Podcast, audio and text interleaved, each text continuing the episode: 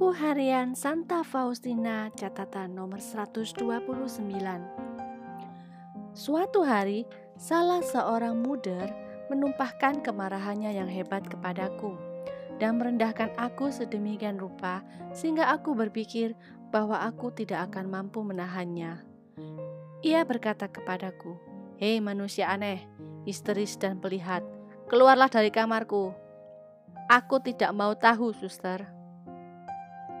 Ia terus menumpahkan ke atas kepalaku apa saja yang dapat ia pikirkan. Ketika aku masuk ke kamarku, aku menelungkupkan wajahku di hadapan salib dan kemudian aku memandang Yesus. Namun aku tidak lagi mampu mengatakan sepatah kata pun. Tetapi aku menyembunyikan segala sesuatu dari orang lain dan bersikap seolah-olah tidak ada sesuatu yang telah terjadi antara kami. Setan selalu mengambil keuntungan dari saat-saat seperti itu. Bayangan keputusasaan mulai muncul ke permukaan. Inilah ganjaranmu untuk kesetiaan dan ketulusanmu. Bagaimana orang dapat menjadi tulus hati kalau ia sedemikian tidak dipahami? Yesus, Yesus, aku tidak dapat melangkah lebih jauh lagi. Sekali lagi, dengan beban ini, aku tersungkur di lantai dan keringatku mulai mengalir dan rasa takut mulai menguasai aku. Aku tidak memiliki seorang pun untuk menyandarkan diriku secara batin. Tiba-tiba aku mendengar suatu suara di dalam jiwaku. Jangan takut, aku menyertaimu.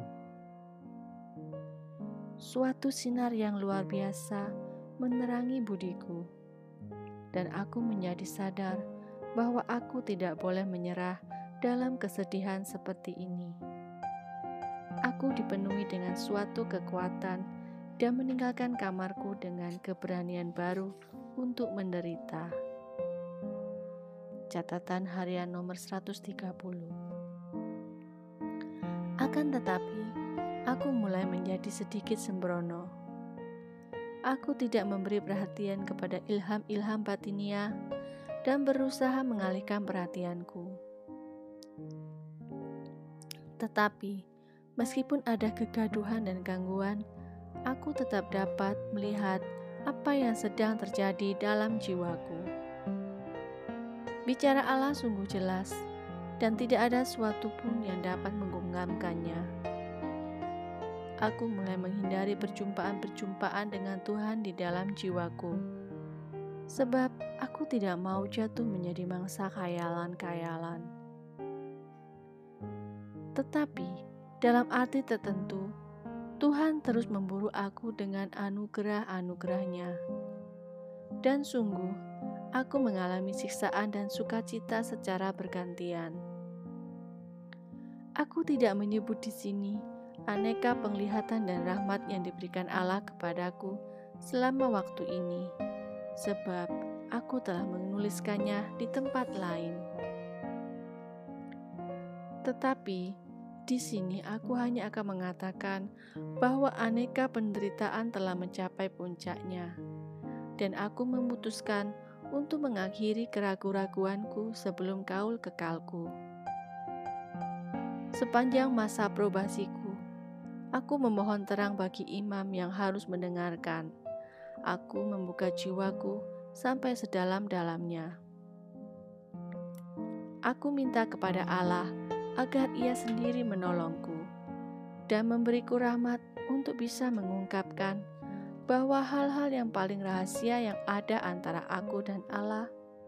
Juga aku minta agar aku mampu menjadi sedemikian terbuka sehingga apa pun yang akan diputuskan oleh imam akan aku terima sebagai sesuatu yang dalam dari Yesus sendiri. Tidak peduli keputusan macam apa yang akan ia sampaikan kepadaku, yang aku inginkan hanyalah kebenaran dan jawaban yang pasti atas beberapa pertanyaan. Aku menyerahkan diriku sepenuhnya ke dalam tangan Allah dan yang dirindukan jiwaku hanyalah kebenaran. Aku tidak dapat terus hidup dalam keraguan-raguan lebih lama lagi, meskipun dalam lubuk jiwaku aku sedemikian yakin bahwa hal-hal ini datang dari Allah, dan aku siap menyerahkan hidupku untuk ini. Tetapi aku mau menempatkan pendapat Bapak pengakuan di atas semuanya. Aku menyiapkan hatiku untuk melaksanakan apa pun yang ia pikir paling baik dan untuk bertindak sesuai dengan nasihat yang akan Ia berikan kepadaku. Aku memandang ke depan, ke saat yang akan menentukan kelangsungan kegiatanku selama sisa hidupku. Aku tahu bahwa segala sesuatu akan tergantung pada saat ini. Tidak begitu menjadi masalah apakah yang akan ia katakan kepadaku selaras dengan ilham-ilham yang kuterima atau sama sekali lain.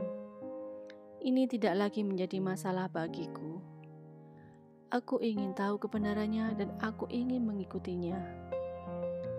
Catatan harian nomor 131 Yesus, Engkau dapat menolong aku. Sejak saat ini, aku telah memulai sesuatu yang baru. Aku menyembunyikan segala rahmat di dalam jiwaku dan menantikan siapa pun juga yang akan diutus Tuhan kepadaku. Tanpa keraguan-raguan dalam hati, aku minta kepada Tuhan sendiri agar berkenan menolongku selama saat-saat ini. Dan tiba-tiba suatu keberanian menyusup ke dalam jiwaku.